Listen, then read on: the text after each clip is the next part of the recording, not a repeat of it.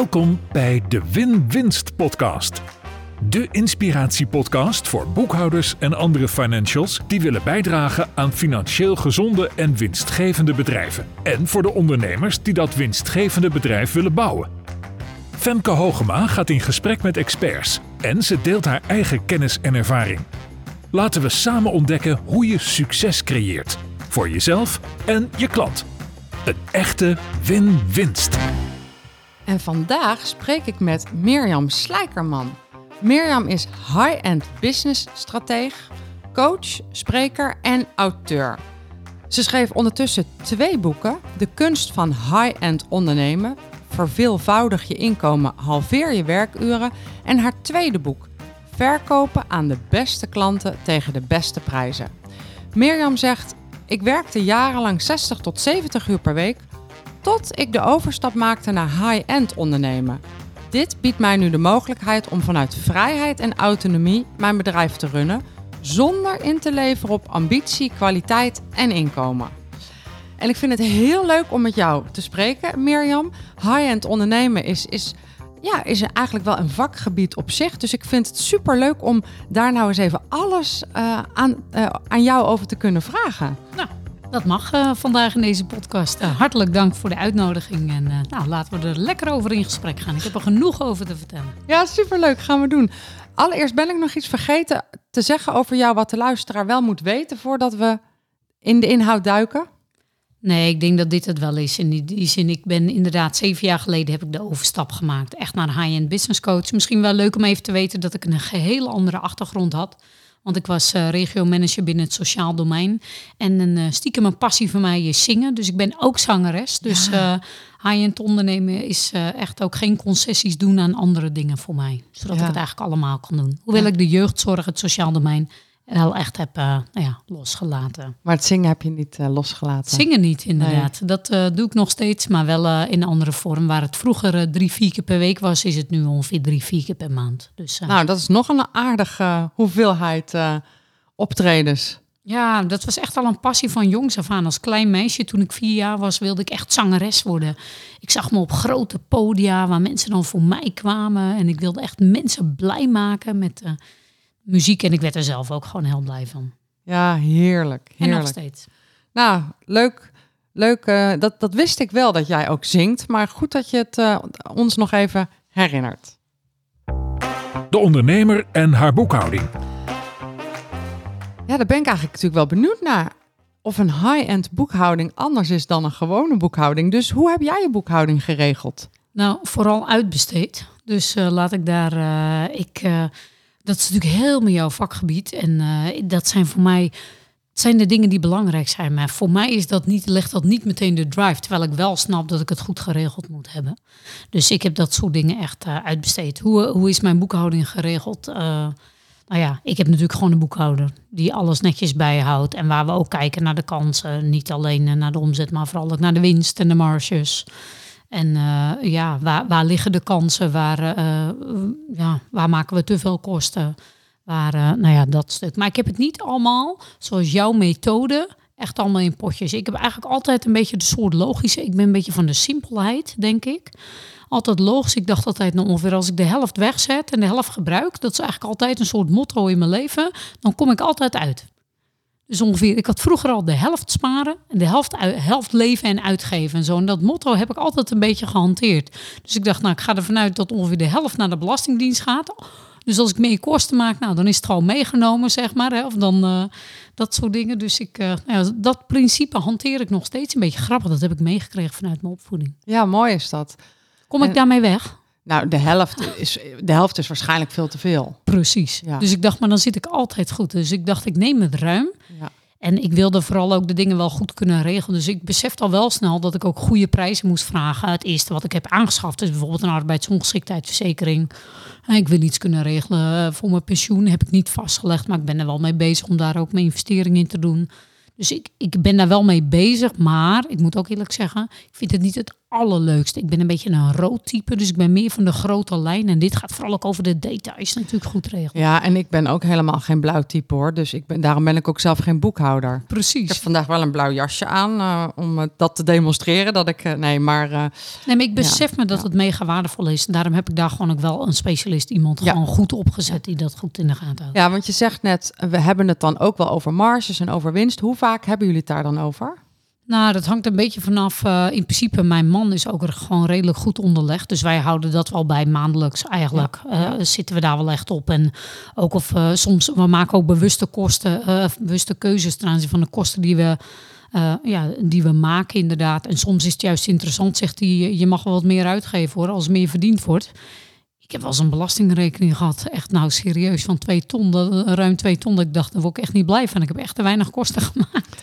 Ja, en aan de andere kant, als je kosten maakt om belasting Tuurlijk. te besparen, ja. ja, ja. Nee, dat stuk. Maar Ja, ik dacht, nou, ja. dan steek ik het liever in mezelf. Dus als je dan toch dingen wil doen, hè, bijvoorbeeld investeringen in opleiding, of dat denk ik, nou, dat komt ook echt linea recta weer terug. Dat ik denk, nou, dan ja, kan ik daar best eens over nadenken. Dus nou, daar hebben we het maandelijks over. En met de boekhouder, nou, is sowieso natuurlijk één keer per jaar goed. Maar af en toe, eh, als nodig, tussentijds, eh, nou ja, als er iets in de holding verandert, of, of in Ja. de BV of dat soort zaken. Klinkt heel financieel gezond, Mirjam. Nou, ik heb het wel goed geregeld Ja. inderdaad. Maar dat wil ik dan ook. Maar dan zet ik er ook echt wel gewoon goede specialisten op. Ja. Zeg maar, die dat gewoon ook doen en voor mij in, de gaten houden. Zodat ik regie kan voeren op de dingen waar ik echt regie op moet voeren. Maar ik zit niet in micromanagement. Nee, heel goed. Mooi. Is geld belangrijk? Zeker is geld belangrijk, ja. En niet het belangrijkste, want gezondheid is alle raad eh, eh, belangrijk. En tijd is ook ons meest kostbare bezit. Maar geld geeft je wel de keuzevrijheid om dingen te doen die jij wil doen in je leven.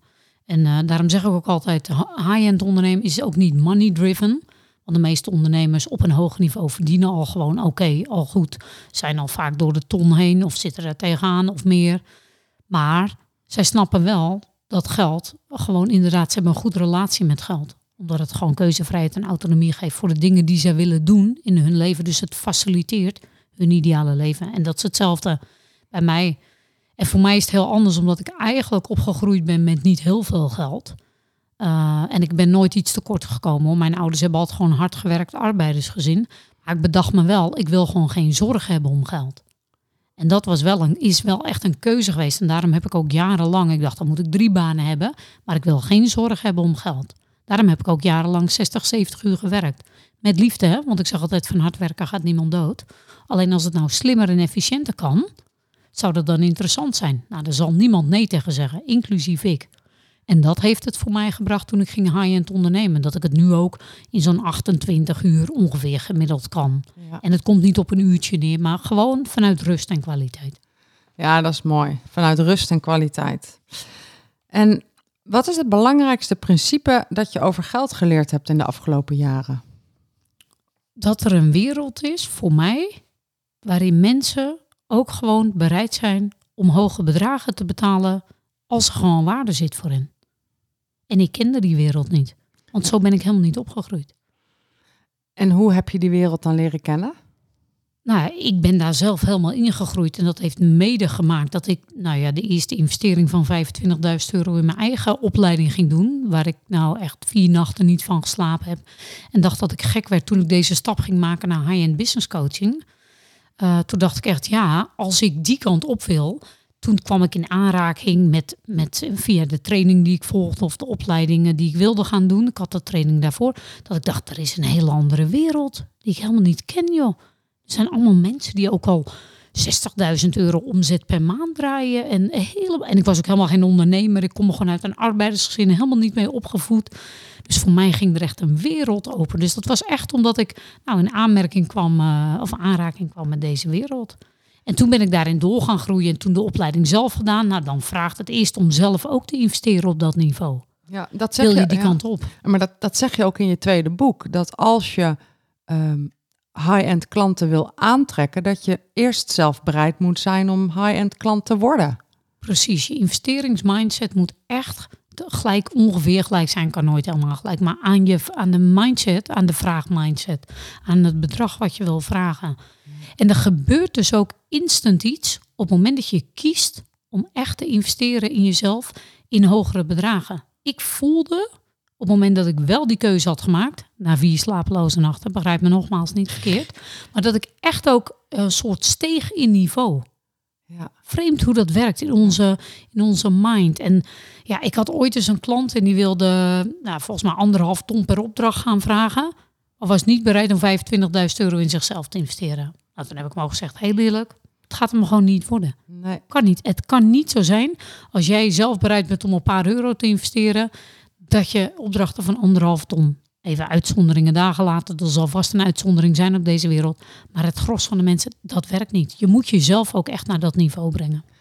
Ja, ik, ik snap dat helemaal. Ik denk ook echt dat het je, je, je, je mind, je geldthermostaat moet gewoon meegroeien, Omhoog. moet Ja. omhoog. En dat gaat wel inderdaad ook stap voor stap. Ja. Want dat denken mensen wel eens en ook high-end ondernemen en ook even een misverstande wereld uithelpen. Dat gaat helemaal niet alleen over oliesheiks of het duurste van het duurste. Nee, iedereen kan de volgende stap nemen om te gaan werken en te gaan kiezen voor de betere klanten die eigenlijk gewoon moeiteloos er hogere bedragen kunnen investeren. Maar dat is er niet in één keer. Je moet ook bereid zijn om die stappen te nemen.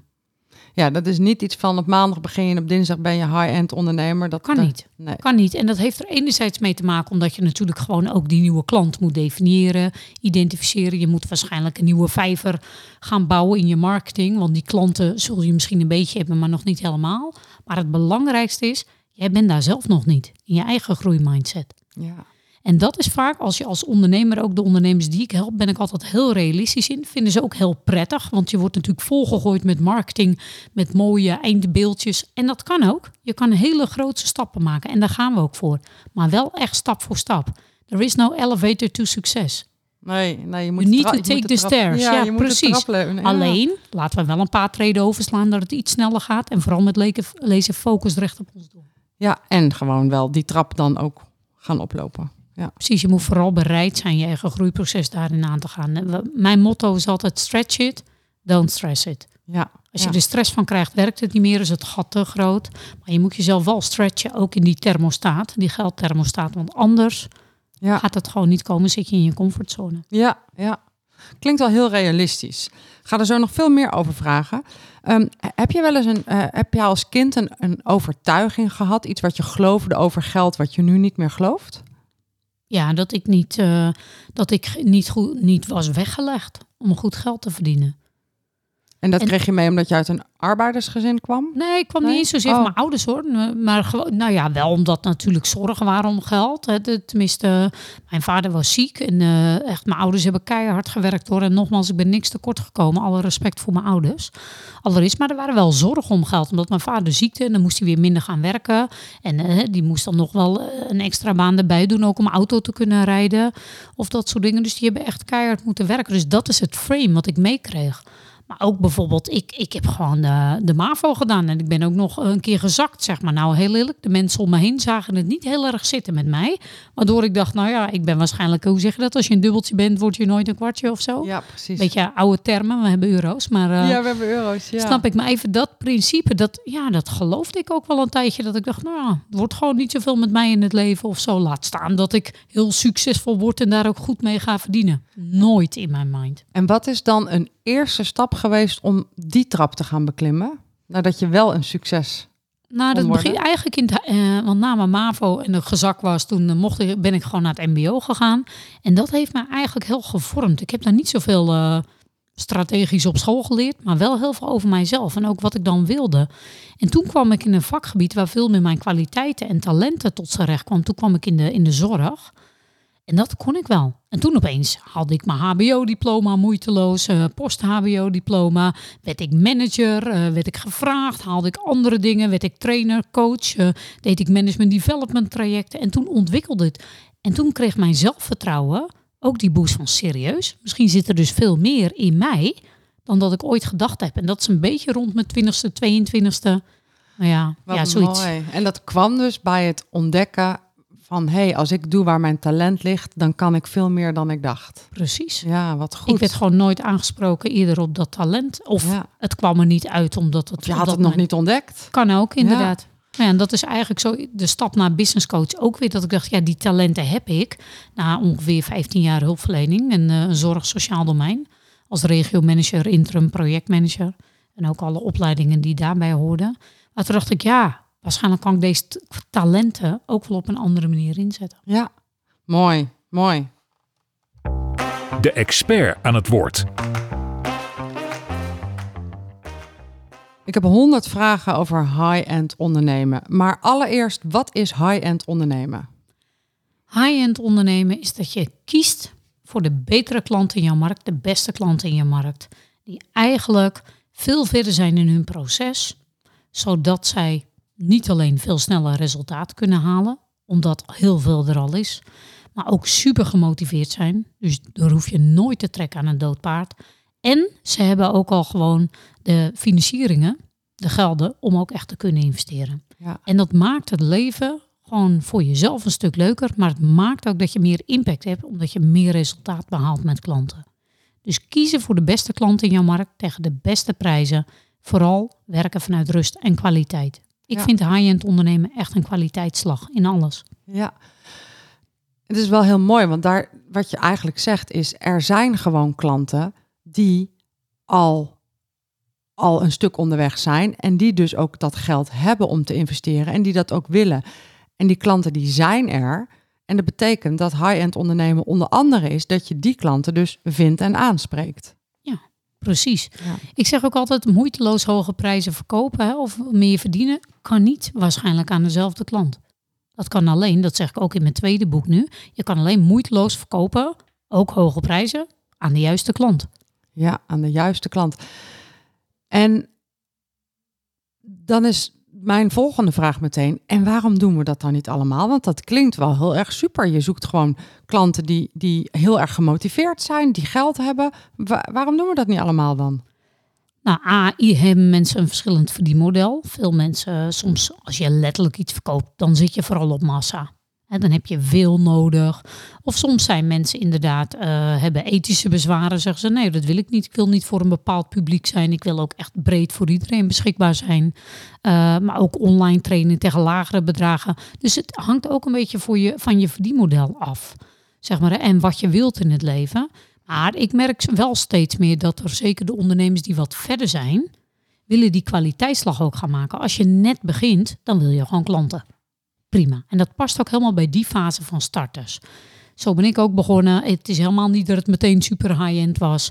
Ik ben ook gewoon volgens mij met 1500 euro begonnen voor mijn eerste programma. Of eh 3000, 4000 euro voor mijn eerste high-end ondernemerjaarprogramma. Dat was niet meteen 25 of 50 of een ton. Dus da- daar zaten echt eh, verschillende fases in. Maar het is natuurlijk wel op het moment dat je verder komt en je loopt bijvoorbeeld tegen de grens van je uurtje, factuurtje, verdienmodel aan. Waardoor je alleen maar harder of meer kunt werken. Of dit is dus de grens aan wat je kunt verdienen. Of je hebt een goed bedrijf opgebouwd, zo'n drie tot vijf jaar. En je verdient ontzettend goed, een paar ton. Maar je werkt je een slag in de ronde. Dat je denkt, daar ben ik ook geen ondernemer voor geworden.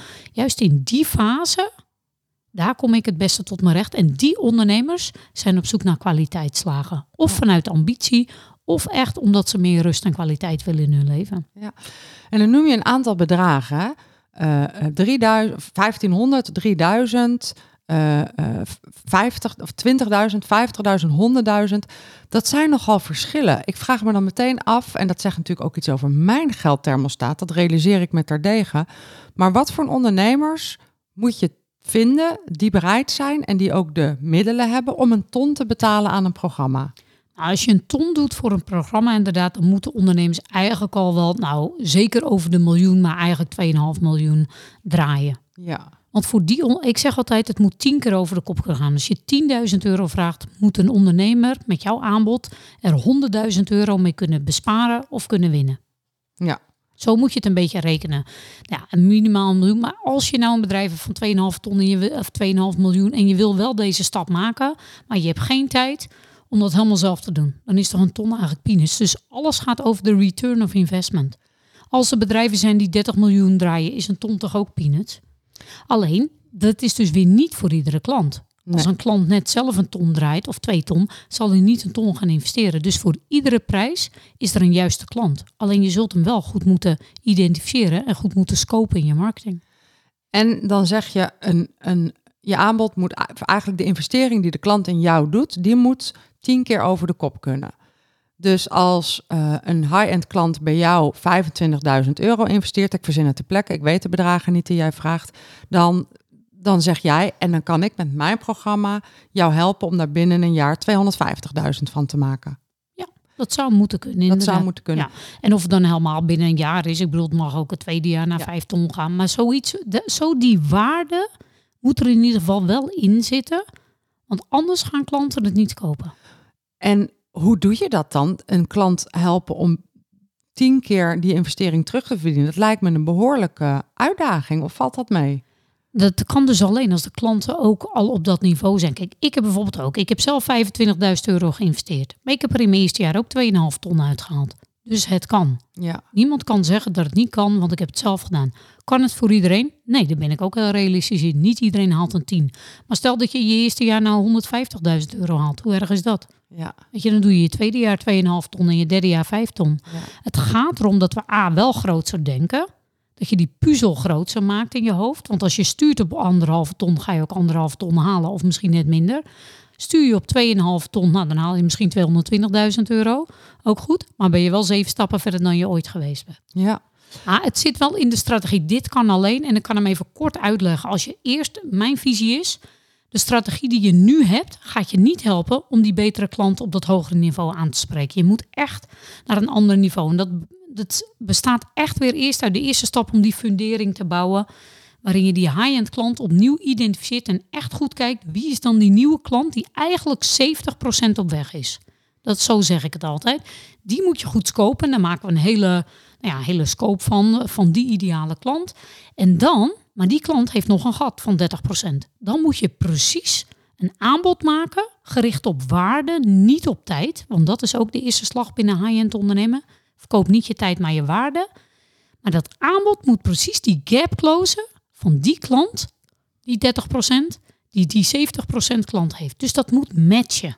Dat is, en daar gaat het eigenlijk al heel vaak fout.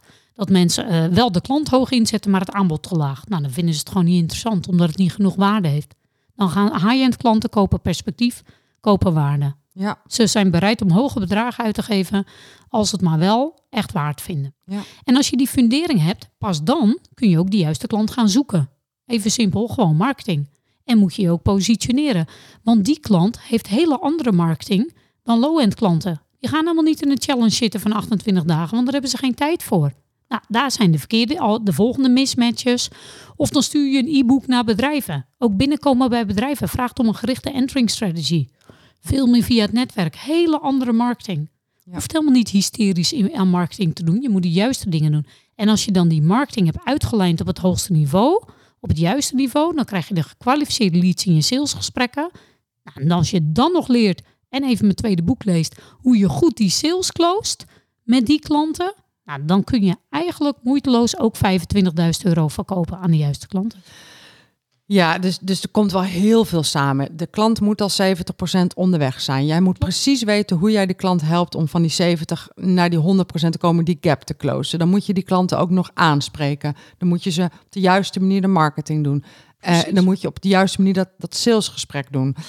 Um, en eigenlijk moet je jezelf ook nog positioneren in de markt echt als expert. Ja. En dan, dit zijn alleen dus toch de strategisch zakelijke lijn die echt uitgelijnd moet worden. Dit moet consistent, congruent op elkaar aansluiten. Als hier mismatches in zitten, ben je weg. Ja. En daarbij moet je jezelf als ondernemer dus ook nog naar het hoge niveau uh, tillen. Want je kan je persoonlijke groei niet loszien van de zakelijke groei. Dus daarom werk ik altijd een jaar met mensen, inderdaad, minimaal. Precies, precies. En hoe, uh, hoe zorg je er nou voor dat als je in een verkoopgesprek komt met een potentiële high-end klant, dat die klant niet schrikt van het aanbod dat je doet. Stel je voor dat jij met een klant in gesprek gaat en je gaat een aanbod doen van 25.000 euro, terwijl de klant denkt dat je misschien een aanbod doet, ik roep even iets, van 100 euro per uur. Hè? Hoe zorg je nou dat daar niet een enorme mismatch is, zodat die klant zich niet een hoedje schrikt van het aanbod wat je doet? Ik geef straks een hele tip of een interessante tip eh, voor het salesgesprek, maar eigenlijk zit het al daarvoor. Want als ik die klant in mijn salesgesprek krijg, heb ik mijn marketing niet goed ingezet. Want in mijn marketing moet ik al zo duidelijk aangeven voor wie ik wel en niet ben, dat ik eigenlijk die klanten, mijn marketing is op dit moment zo strak ingericht, dat ik eigenlijk geen gesprek heb met mensen die helemaal niet passen. dan kunnen ze nog wel. Meestal zeggen ze, oeh, ja, dat dacht ik wel. Het is wel spannend of zo. Maar ze hebben zoiets wel verwacht. En voor puur voor het salesgesprek een hele goede tip is, begin al vroeg met bedragen te noemen. Ik deel vaak altijd zelf even, dat ik het ook al toen ik 25.000 euro ging investeren, was ook mega spannend. Maar het heeft me wel geholpen om.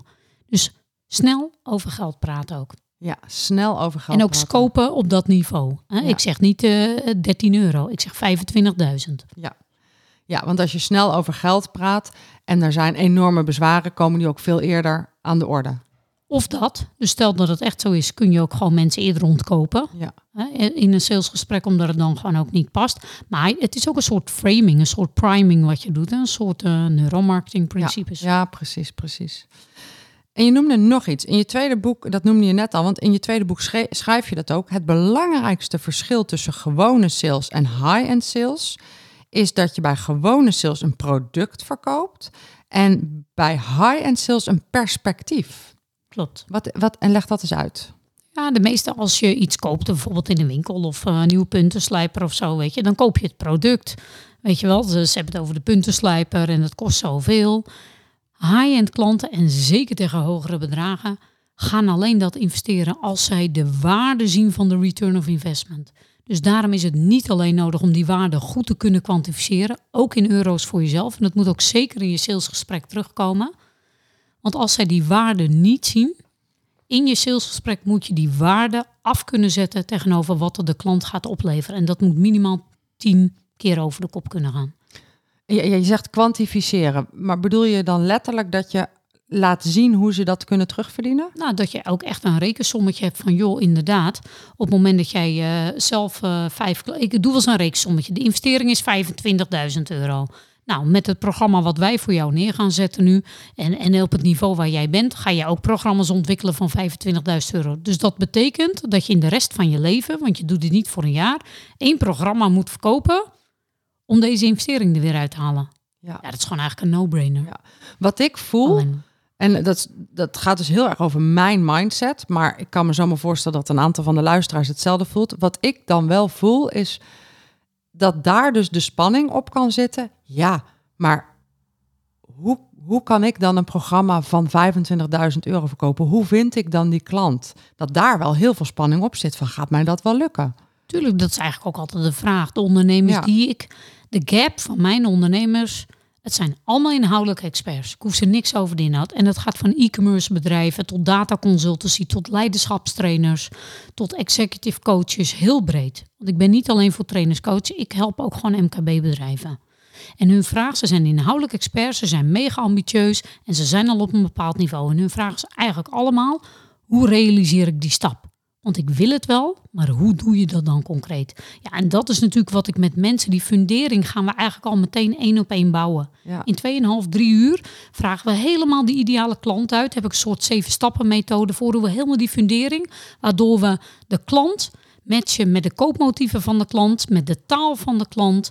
eh, dat we de gap helder hebben, want in marketing vertaal je de gap van de klant. Dat is wat je nodig hebt. En vervolgens vertalen we die gap met de visiestappen die daar binnen zitten, ook naar de werkvormen in je aanbod. Dus dat eigenlijk in 2,5, 3 uur staat dat in hoofdlijn, hè, 80%. En dan gaan we eigenlijk zo snel mogelijk, en daar zijn ondernemers het langst mee bezig, echt naar marketing. Waarin je in het begin probeert te verkopen ook even in je oude vijver. Laten we meteen gaan piloten. De vijver die je nu hebt. Maar we willen natuurlijk een nieuwe vijver hebben. En daar gaan we ongeveer zo'n drie, vier gerichte marketingstrategieën voor opzetten. Die ervoor gaan zorgen. En die gaan we continu toetsen. En dit is geen blauwdruk. Mensen, ik geloof niet in blauwdrukken. Dus dit is niet een kunstje. Per ondernemer moet ik echt samen met die ondernemer die puzzel leggen. Welke drie of vier marketingstrategieën gaan voor jou zorgen dat jij een continue eh, flow aan de juiste leads krijgt. En dat heeft tijd nodig. Ben ik ook realistisch. Daarom ook dat jaar hebben we gewoon nodig om die vijver verder te gaan bouwen. En dan, maar na een jaar hebben ze eigenlijk een goede marketingstructuur. Eh, ze hebben drie gekwalificeerde hoe zeg je dat, de lead funnels eh, of vier, waarmee ze eigenlijk de gesprek op hun pad krijgen. We hebben de community daarboven gebouwd, zeg maar, voor de content die nodig is. En als het even mee zit, hebben we ook alvast een stap in expertstatus, hebben we daar een aantal stappen in kunnen doen. Nou ja, en dat allemaal bij elkaar moet ervoor zorgen nou, dat die juiste gesprekken binnenkomen met een gemiddelde conversie van 1 op 4, 5. In sales zou je het dan moeten. Een halen. gemiddelde conversie van 1 op 4, 5. Dus je moet ook wel tegen afwijzing kunnen. Zeker. Ja. Ja, en ook ik krijg gewoon nog steeds nee's. En daar ben ik heel realistisch in. En dat is eigenlijk het meest kwetsbare ook voor ondernemers, want we willen eigenlijk helemaal de nee's niet horen. Nee. Je bent met je kindje naar buiten, je hebt iets moois gemaakt en dan zegt iemand nee. Ja. En het interessante is, op het moment dat je dat kunt switchen, dat die nee niks met jou of jouw aanbod te maken heeft, maar puur gaat over dat die ondernemer er nog niet aan toe is, of dat op dit moment de niet de virtue sheet er niet is, Ja. kun je het ook loslaten. En ik, ik ga toch nog een keer terug naar die waarden. Want om high-end, als je high-end ondernemer bent, dan eh, gaat het over dat je niet terugrekent naar de uren, maar dat je, dat je kijkt naar de waarde die je levert. En klanten investeren daar goed voor. En, maar hoe zorg je nou dat, die, dat, dat ze die, eh, dat het, die, ehm, die waarde, dat, ze, dat, het, dat het dat ook waard is? Met andere woorden, ehm, waarom Hoe moet je je... dat naar euro's? Ja, waar, nou waarom moet je 25.000 of 50.000 euro in een programma investeren? Kan je dat niet ook uit een boek lezen? Of kan je dat niet ook goedkoper krijgen? Dus waarom dan toch die hoge bedragen? Uh, nou, dat zijn eigenlijk een beetje twee vragen. Uh, de hoge bedragen, laat ik die meteen man zijn nodig ook voor commitment. Ik vind ook echt dat de klanten beter helpt nu ik hoge prijzen vraag. En ik snap dat ik daarmee niet helemaal voor iedereen ben. En dat is ook oké, want ik vind iedereen komt in een bepaalde fase tot zijn recht. Ik ben snel, ik ben gedreven, ik hou van snel schakelen. Dus ik level goed met deze ambitieuze ondernemers. En als ik hoge, vragen, vra hoge prijzen vraag, gaan ze het ook echt doen. Voor 500 euro zou je het niet gaan doen, haak je veel te snel af. En dat maakt dat ze ook doorzetten op het moment dat het nodig is. Dus die vraag beantwoord. En dat geloof ik, voel ik ook oprecht. Dat ik ze echt beter help. Als alleen het is spannend, ja.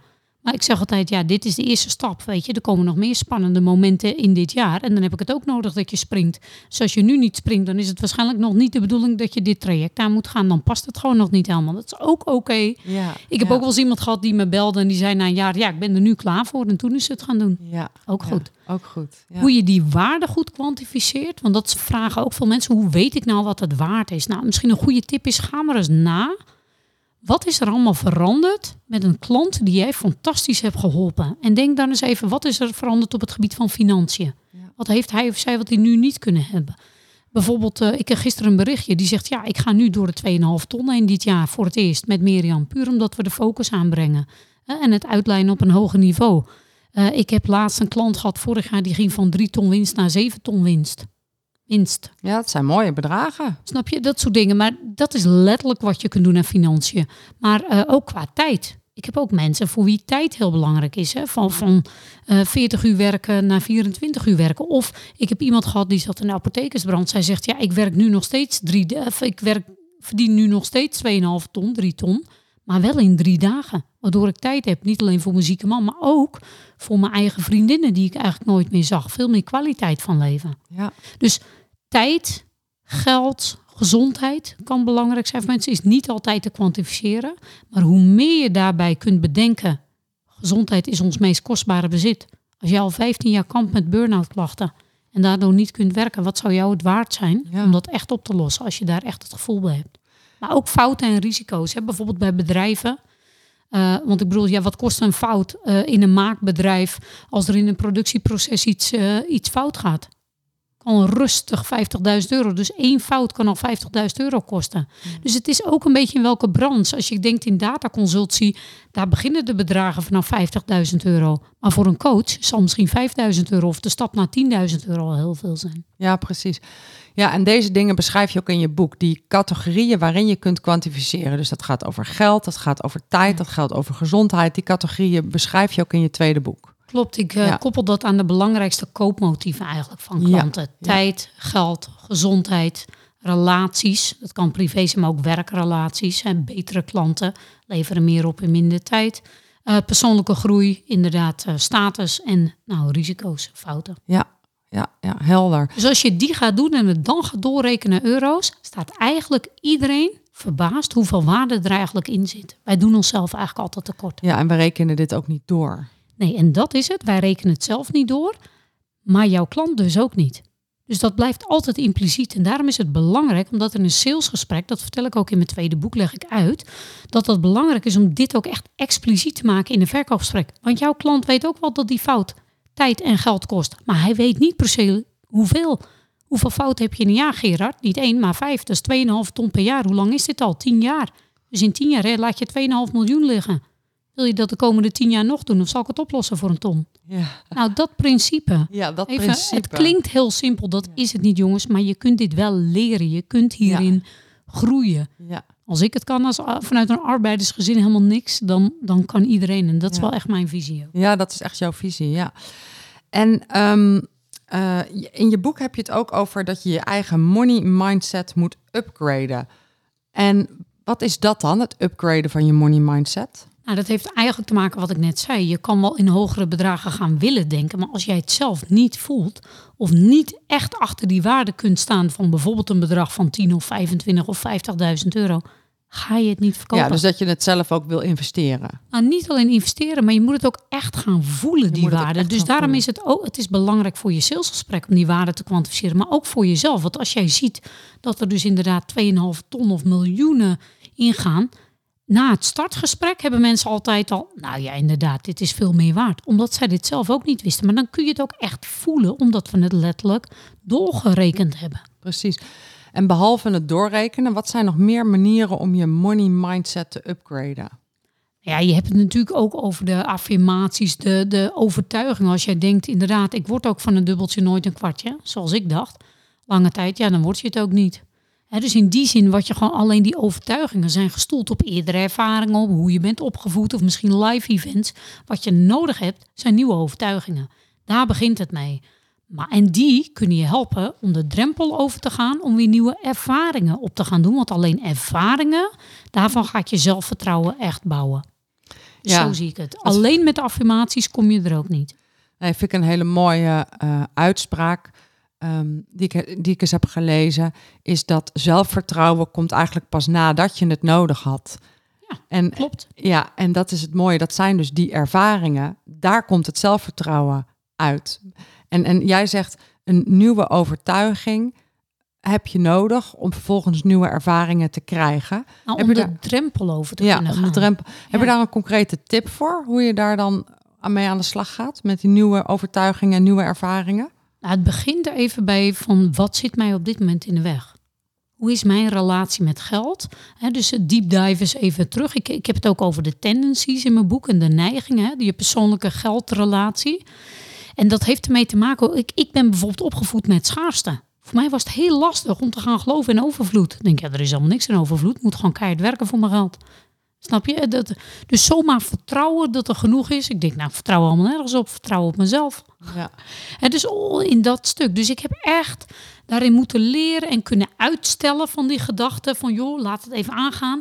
En dan de angst, mijn angsten continu aangaan, want de angst is altijd erger dan het maar gewoon te gaan doen, heb ik ervaren. En daarin ben ik wel van jongs af aan altijd mijn angsten aangegaan. Nou, en dan kom je dus erachter dat, oeh, als ik het even uitstel, dat ik er inderdaad steeds meer op mag gaan vertrouwen.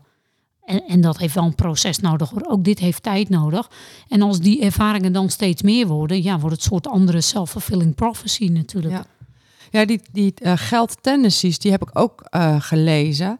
Wat ik daar wel heel leuk aan vind, is er is geen goed of fout. Dus je hebt een, een aantal categorieën waar je eigenlijk twee neigingen tegenover elkaar zet. Bijvoorbeeld schaarste en overvloed. En van beide beschrijf je dan de voor- en de nadelen. Kun je nog eens zo'n voorbeeld noemen van zo'n geldneiging? Nou, een bespaarder bijvoorbeeld of een besteder. Hè. Ja. ik, ik ben ook opgevoed met sparen. Moet ook een spaarhypotheek hebben of zo. Weet je. Ja, daar denk ik nu heel anders over. Ik denk, ik kan mijn eigen geld wel beheren. Hoeft niemand te doen. Maar zo ben ik wel opgevoed, altijd sparen. Precies, want dat had ook weer te maken met dat, nou ja, dat, het, hoe weet dat, eh, ja, dat we niet zoveel hadden. Dus als je geld hebt, moet je erop gaan zitten. Nou, als ondernemer moet je juist gaan investeren. Zeg maar. Dus ik vond het daarom ook zo'n bedrag, jongen, investeren in mezelf. Nou, dat, dat, dat was echt eh, alsof ik in een diepe ravijn viel of zo. Voor mij was dat, waren dat zulke grote stappen, terwijl ik aan alles voelde dat het me wel zou gaan helpen. Ja. Maar dat waren echt drempels die ik echt heb moeten overwinnen. Want Ik kreeg bijvoorbeeld uit, uitwonende beurs toen ik eh, student was. Wat was dat? eh, 600, 700 euro. En daarvan spaarde ik 300. Ongeveer de helft, hè? Het principe. Kun je Dat is wel, wel knap overigens, de helft van een beurs. Wauw. Ik kan heel goed met geld omgaan. Ik heb helemaal Ja. niks eh, nodig. En het leuke is van die tendencies, je hebt de bespaarder en de besteder. En beide kanten hebben voor- en nadelen. Want alleen de besteder is ook weer niet ideaal. Nee, natuurlijk niet. Als je te veel geld uitgeeft, precies, je moet je zaken wel goed regelen. Ja. Dat zijn de mensen die straks hun belasting niet kunnen betalen, omdat er opeens een belastingaanslag komt of iets. Dus precies. het gaat allemaal over de balans. En het is ook niet zwart of wit, maar het gaat er vooral om, joh, wat, wat merk je vanuit de neigingen die je nu hebt vanuit je persoonlijke relatie met geld? En wat zegt dat? Of welke bewuste keuzes vraagt dit van jou?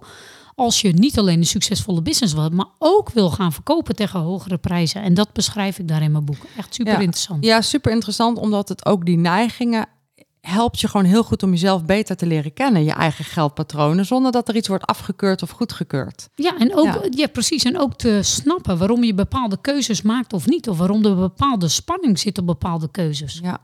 Maakt Ja. ze nog niet altijd makkelijk, hè, Ja. jongens. Dat is iets anders. Nee.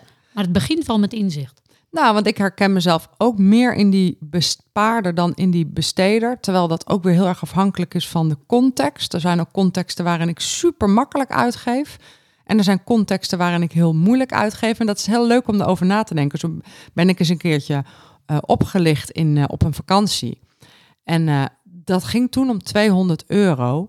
En daar heb ik me toch een partijtje wakker van gelegen en pijn van gehad. Terwijl als je dan nu kijkt naar waar ik soms geld aan uitgeef, dan denk ik grappig. Diezelfde 200 euro geef ik met heel veel gemak uit aan bijvoorbeeld weer een nieuwe bestelling met, noem maar wat, voedingssupplementen. En wat maakte dat, dat, dat die 200 euro op dit stuk zo'n pijn deed dan? Ja, omdat het wel weggegooid geld was. Ja, precies. En, en ook omdat ehm, ik kon dat toen niet zo goed relativeren. Terwijl als je een huis koopt, dan ga je onderhandelen en dat gaat per, per 30.000 euro die onderhandeling, weet je? Nou, per 10.000 dan. Geld 280, vliegt eruit. 290, Ja. 310, 320, 350. Dan is 200 euro weer niks. Dus dit soort dingen hierover nadenken en hierover reflecteren van, oh ja, welke uitgaven heb ik gedaan die pijn deden of die makkelijk gingen. Ehm, ik heb eh, twee jaar geleden voor het eerst eh, mijn man en mijzelf geüpgrade in het vliegtuig naar business class. Dat is meer dan 200 euro en daar hebben we intens van genoten.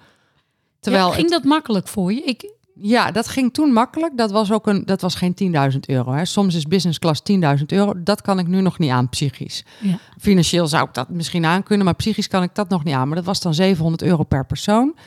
En, eh, en dat was zakelijk geld. En zakelijk geld vind ik ook weer makkelijker uitgeven Oh ja. dan privégeld. Ja. En we hebben daar intens van genoten. Ehm, en ik realiseerde me ook dat het me een, een nacht slaap opleverde. En dat is maar best wel 700 euro waard, een nacht slaap. Ja, mooi dat je sommige keuzes maakt. Een hele leuke anekdote, mooi verhaal, eh, Femke. Ik had het bijvoorbeeld een keer met een kerstboom. Ik, die kerstboom kostte 90 euro. Nou, ging gewoon tegen mijn principes. Ga geen kerstboom dat was een levende Het was kerstboom. een levende, Ja, echte. ja. Hij was prachtig, Noordman, Ja, groot. Eh, ik dacht, hij past ook helemaal niet in ons huis. Weet je wel, want ik dacht, ja, waar moet hij dat? Maar ik vond hem zo mooi. En toen zei mijn man, die een hele andere mindset en heel vrij en ook met geld is opvoed, zegt, joh, waar maak je nou druk om? Als je die mooi vindt, nemen we dat ding toch mee. Nee, dat kon hij was echt tegen. Ik vond gewoon tegen mijn principes, je gaat gewoon geen 90 euro uitgeven aan een kerstboom. Terwijl uiteindelijk, ik, hij zegt, doe nou eens gek. En toen hebben we die kerstboom meegenomen. Nou, die heeft tot aan de laatste naald gestaan in de woonkamer. Zeg maar, niemand kon er ook ongeveer meer langs. Je kon niet binnenkomen. Intens genoten van die kerstboom. Maar ik moest is- mezelf dat echt toestaan om dat daaraan uit te geven. En dat, is, en dat is waar we van leren. Door dit soort dingen ehm, je te realiseren. Dat, dat, ik herken dat zo van, je gaat geen 90 euro uitgeven aan een kerstboom. Ik herken zo'n zin, Zo'n stemmetje. zo'n stemmetje. Dat doe je gewoon niet. Nou, die stemmetjes hebben we dus allemaal. En iedereen vanuit zijn eigen context. En het is gewoon interessant om met die stemmetjes gewoon eens even te gaan sparren. En kijken of ze je A ook nog wel dienen in deze fase. Want vaak zijn het gewoon stemmetjes van vroeger of van oudere dingen. En of je er ook aan vast wil houden. Want dat is wel een keuze. Ja, precies. En dan komt hij weer vanuit leiderschap. Precies. Kun je daarin keuzes maken. En dat is het, eh, het, het ook een van de onderdelen van de persoonlijke groei die je net helemaal aan het begin van dit gesprek noemde. Dat gaat ook over dit soort vraagstukken met jezelf doornemen. Precies, het begint Ja. wel met jezelf. En daarom, ik kan mensen alle strategische vaardigheden leren. Maar als je dit niet met jezelf aangaat, gaat er ook niet zoveel veranderen. Ja, ja. Ja. Echt een belangrijke voorwaarde. Hele belangrijke voorwaarden. De adviezen voor de financial. Heb je nou nog drie eh, super concrete, direct toepasbare tips voor ons, de luisteraars, die wij kunnen aanpakken om meer winst te realiseren in de breedste zin? Dus dat is meer winst in tijd, in geld, in energie. Nou ja, mijn allereerste tip is ga de waardes uitrekenen, waar we het net over hadden. Ja. Want ik denk al eigenlijk, en dat kan voor iedereen, of je nou high-end onderneemt of niet, iedereen is in ieder geval belangrijk dat je weet wat je zelf waard bent en welke waarde je biedt. En dan zul je zien dat je eigenlijk misschien jezelf nog wel tekort doet, waardoor je misschien keuzes wil maken om daar toch net iets beter op in te zetten. Dus dat is een hele concrete. Hele concrete.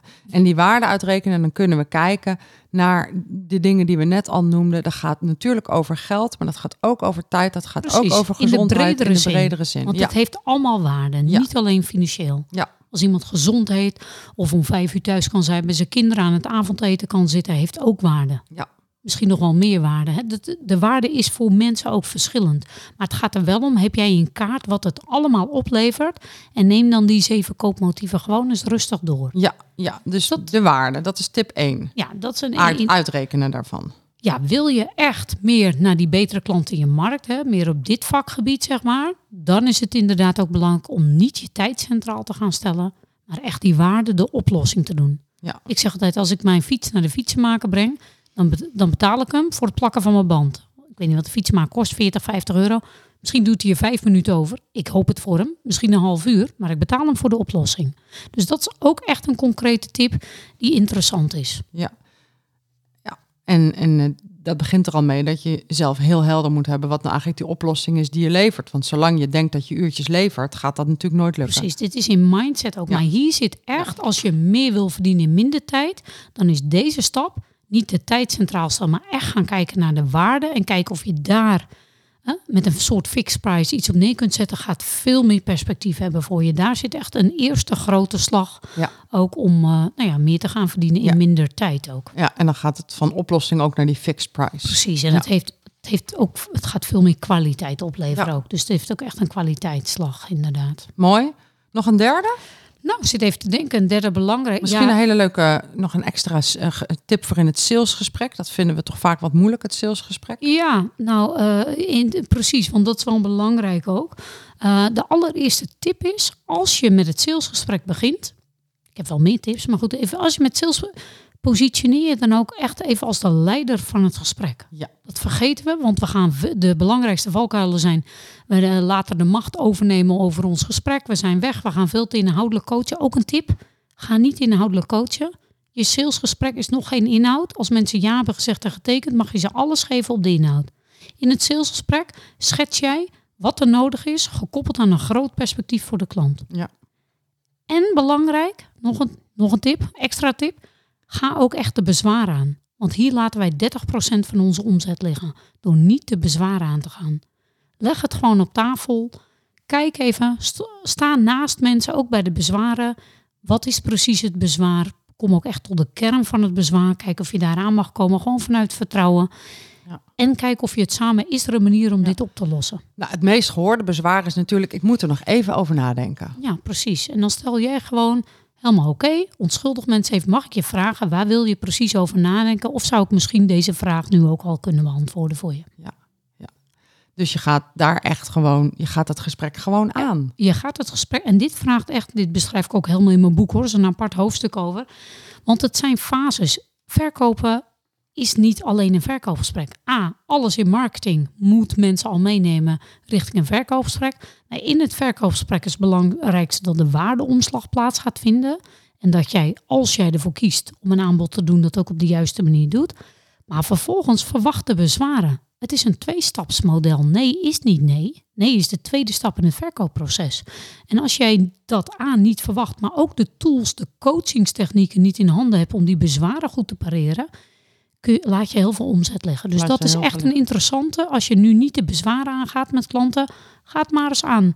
Gewoon vanuit laten we het even op tafel leggen. Misschien kan ik je helpen. Precies, precies. Verkopen is helpen. Ja. In de grootste zin. Ja, precies, precies. Stel, ik geef jou een toverstok. Je zwaait en daarna is de boekhoudbranche zoals hij volgens jou moet zijn. Wat zie je als belangrijke verandering nadat je hebt gezwaaid? Ja, dat is een mooie vraag. Ik heb er natuurlijk even kort over nagedacht. Ik, ja, ik, ik zou hem eigenlijk simpeler willen. Ik zou willen dat iedereen in Jip en Janneke taal, maar ik ben van simpel, keep it simpel. Ja, In Jip en Janneke taal altijd zijn eigen boekhouding feilloos zou moeten begrijpen. Ik vind het te Mm. ingewikkeld geworden. En daar maak jij al een mooie stap in, eh, Femke. nou dank je. Met je profit first, inderdaad. Maar het mag. Het, ik denk dat heel veel ondernemers, en dan misschien niet alleen de high-end ondernemers, maar in de brede zin, eigenlijk helemaal zelf. Precies. Het staat ver van hun weg. Ze weten dat het belangrijk is, maar eigenlijk snappen ze het ook niet goed genoeg. En dat zou eigenlijk niet moeten. Dus wat mij betreft mag het begrijpelijker, simpeler, zodat je er in ieder geval, ook al moet je het uitbesteden, maar dat je er zelf veel meer regie op, uit, op kunt voeren. Ja, een super mooie, waardevolle tip. Mag nog begrijpelijker en simpeler. En ik weet dat er heel veel boekhouders, accountants, eh, profit first professionals zijn die zeggen: ja, ik, ik maak het al heel simpel. En misschien kun je daar dan nog wel een slag op maken. Kan het nog simpeler en begrijpelijker? Ja, nou ja, ja, dat, dat, die vraag. eh, misschien ligt daar een mooie taak voor jou, Femke, om daar een verdiepingsslag in te maken. Ja, op de dat- profit first, om daar nog inderdaad. Want het is, ik vind, maar dat vind ik met alles hoor. Dat vind ik ook van eh, eh, de gezondheidszorg of het aanvragen van subsidies of dingen. Het is allemaal zo ingewikkeld geworden. De mensen snappen het niet meer. Ja. Laten we het, kunnen we het gewoon simpel houden. Het is ook niet nodig en het helpt ook niet om het ingewikkeld te Nee. Precies, het is niet nodig en het helpt ook niet. Dat is, Nee, eh, het dient niet. het dient niet. De winstvraag. Zullen we je boek verloten eh, aan iedereen die onder een LinkedIn of een Insta-post van deze week zet? Ik ben benieuwd naar het boek van Mirjam. Nou, superleuk. Ja, zullen we dat gewoon eens doen? Het moet wel even erbij zeggen, het boek is officieel 3 november wordt hij gelanceerd. Ja, hè, 3 het tweede november. boek. Maar het zou kunnen dat we deze podcast gewoon plannen vlakbij de lancering. Ja, nou Dus helemaal dan- goed. Dat kan en anders, want de pre-sale gaat wel al vooraf. En iedereen die mijn boek koopt in de pre-sale, die krijgt eh, in ieder geval het boek 3 november natuurlijk, Ja. laat het helder zijn. Maar er zijn ook een aantal bonussen, want koop je hem in de pre-sale namelijk, dan krijg je een high-end sales script. Heel concreet, alleen verkrijgbaar in de pre-sale periode. Mag je ook een keer meedoen met een masterclass online Kickstart High-End ondernemen, hoe je die sales ook echt zet in die grotere groeistrategie, zodat je eens kunt kijken wat zou daar voor jou aan zitten. En krijg je ook de videopodcast die ik met Paul Smit op ga nemen over neuromarketing en sales. Dus Nou, de wat werking van eh, ons brein en sales. Dus het is ook al super interessant om je in de pre-sale periode ook al even aan te melden. Wat een eh, superleuke bonus. En hoe melden we ons dan aan in de pre-sale periode voor je boek? Nou, binnenkort eh, komt hij ook online via social media en ik zal eh, de link ook even doorsturen. Dan zetten wij de link in de show notes. En voor Precies. iedereen die zich afvraagt, wat zijn show notes? Nou, als je bijvoorbeeld gewoon gaat naar winwinst.nl en je klikt daar op de, deze podcast, dan staat die er gewoon bij als URL. Precies, dat is Ja. de snelste. En anders ga even naar mijn website www.mslijkerman.nl en daar eh, zul je hem ook zeker vinden en kun je gebruik maken, ook van de pre-sale. En 30, of, eh, 3 november vind je het boek dan ook nog officieel in je briefbus. Nou, supergoed. En dan, eh, ja, dan ga ik zorgen dat deze podcast gewoon voor 3 november online komt, zodat mensen kunnen genieten van die pre-sale eh, actie. Ja, precies. Dan kunnen zoveel mogelijk kennis. Sales is iets, en sowieso beheers je sales, heb je de ultieme vrijheid. Iedereen kan leren, ook al wil je niet naar high-end ondernemen. Hier staan echt toffe principes in over hoe je gewoon die verkoopskills naar een hoger niveau kunt tillen. Supermooi. Ben ik nog wat vergeten te vragen, Mirjam? Nou, volgens mij was hij volgens mij redelijk com- compleet, Ja? als ik het zo eh, weet. Ja, Nou, mooi. dankjewel. Ja, jij bedankt voor je waardevolle eh, tips en eh, ideeën en, en inzichten over high-end ondernemen. Dankjewel. Je luisterde naar de Win-Winst podcast voor de ondernemende boekhouder en voor de ondernemer die winstgevend en financieel gezond wil ondernemen. En ik eh, heb al hartstikke veel reviews en ook jouw review is heel erg welkom. Dus vind je dit een toffe podcast? Geef dan even een paar sterren of laat eh, mij in de ehm, of, of, of, deel, je, deel je belangrijkste inzicht eh, in de echte review in een aantal zinnen. Dat bedoel ik. Je maakt me daar heel blij mee. We trekken meer luisteraars en dan hebben nog meer mensen baat bij de inzichten van sprekers zoals Mirjam uit deze podcast. Heel graag tot volgende week op woensdag Win-Winsdag.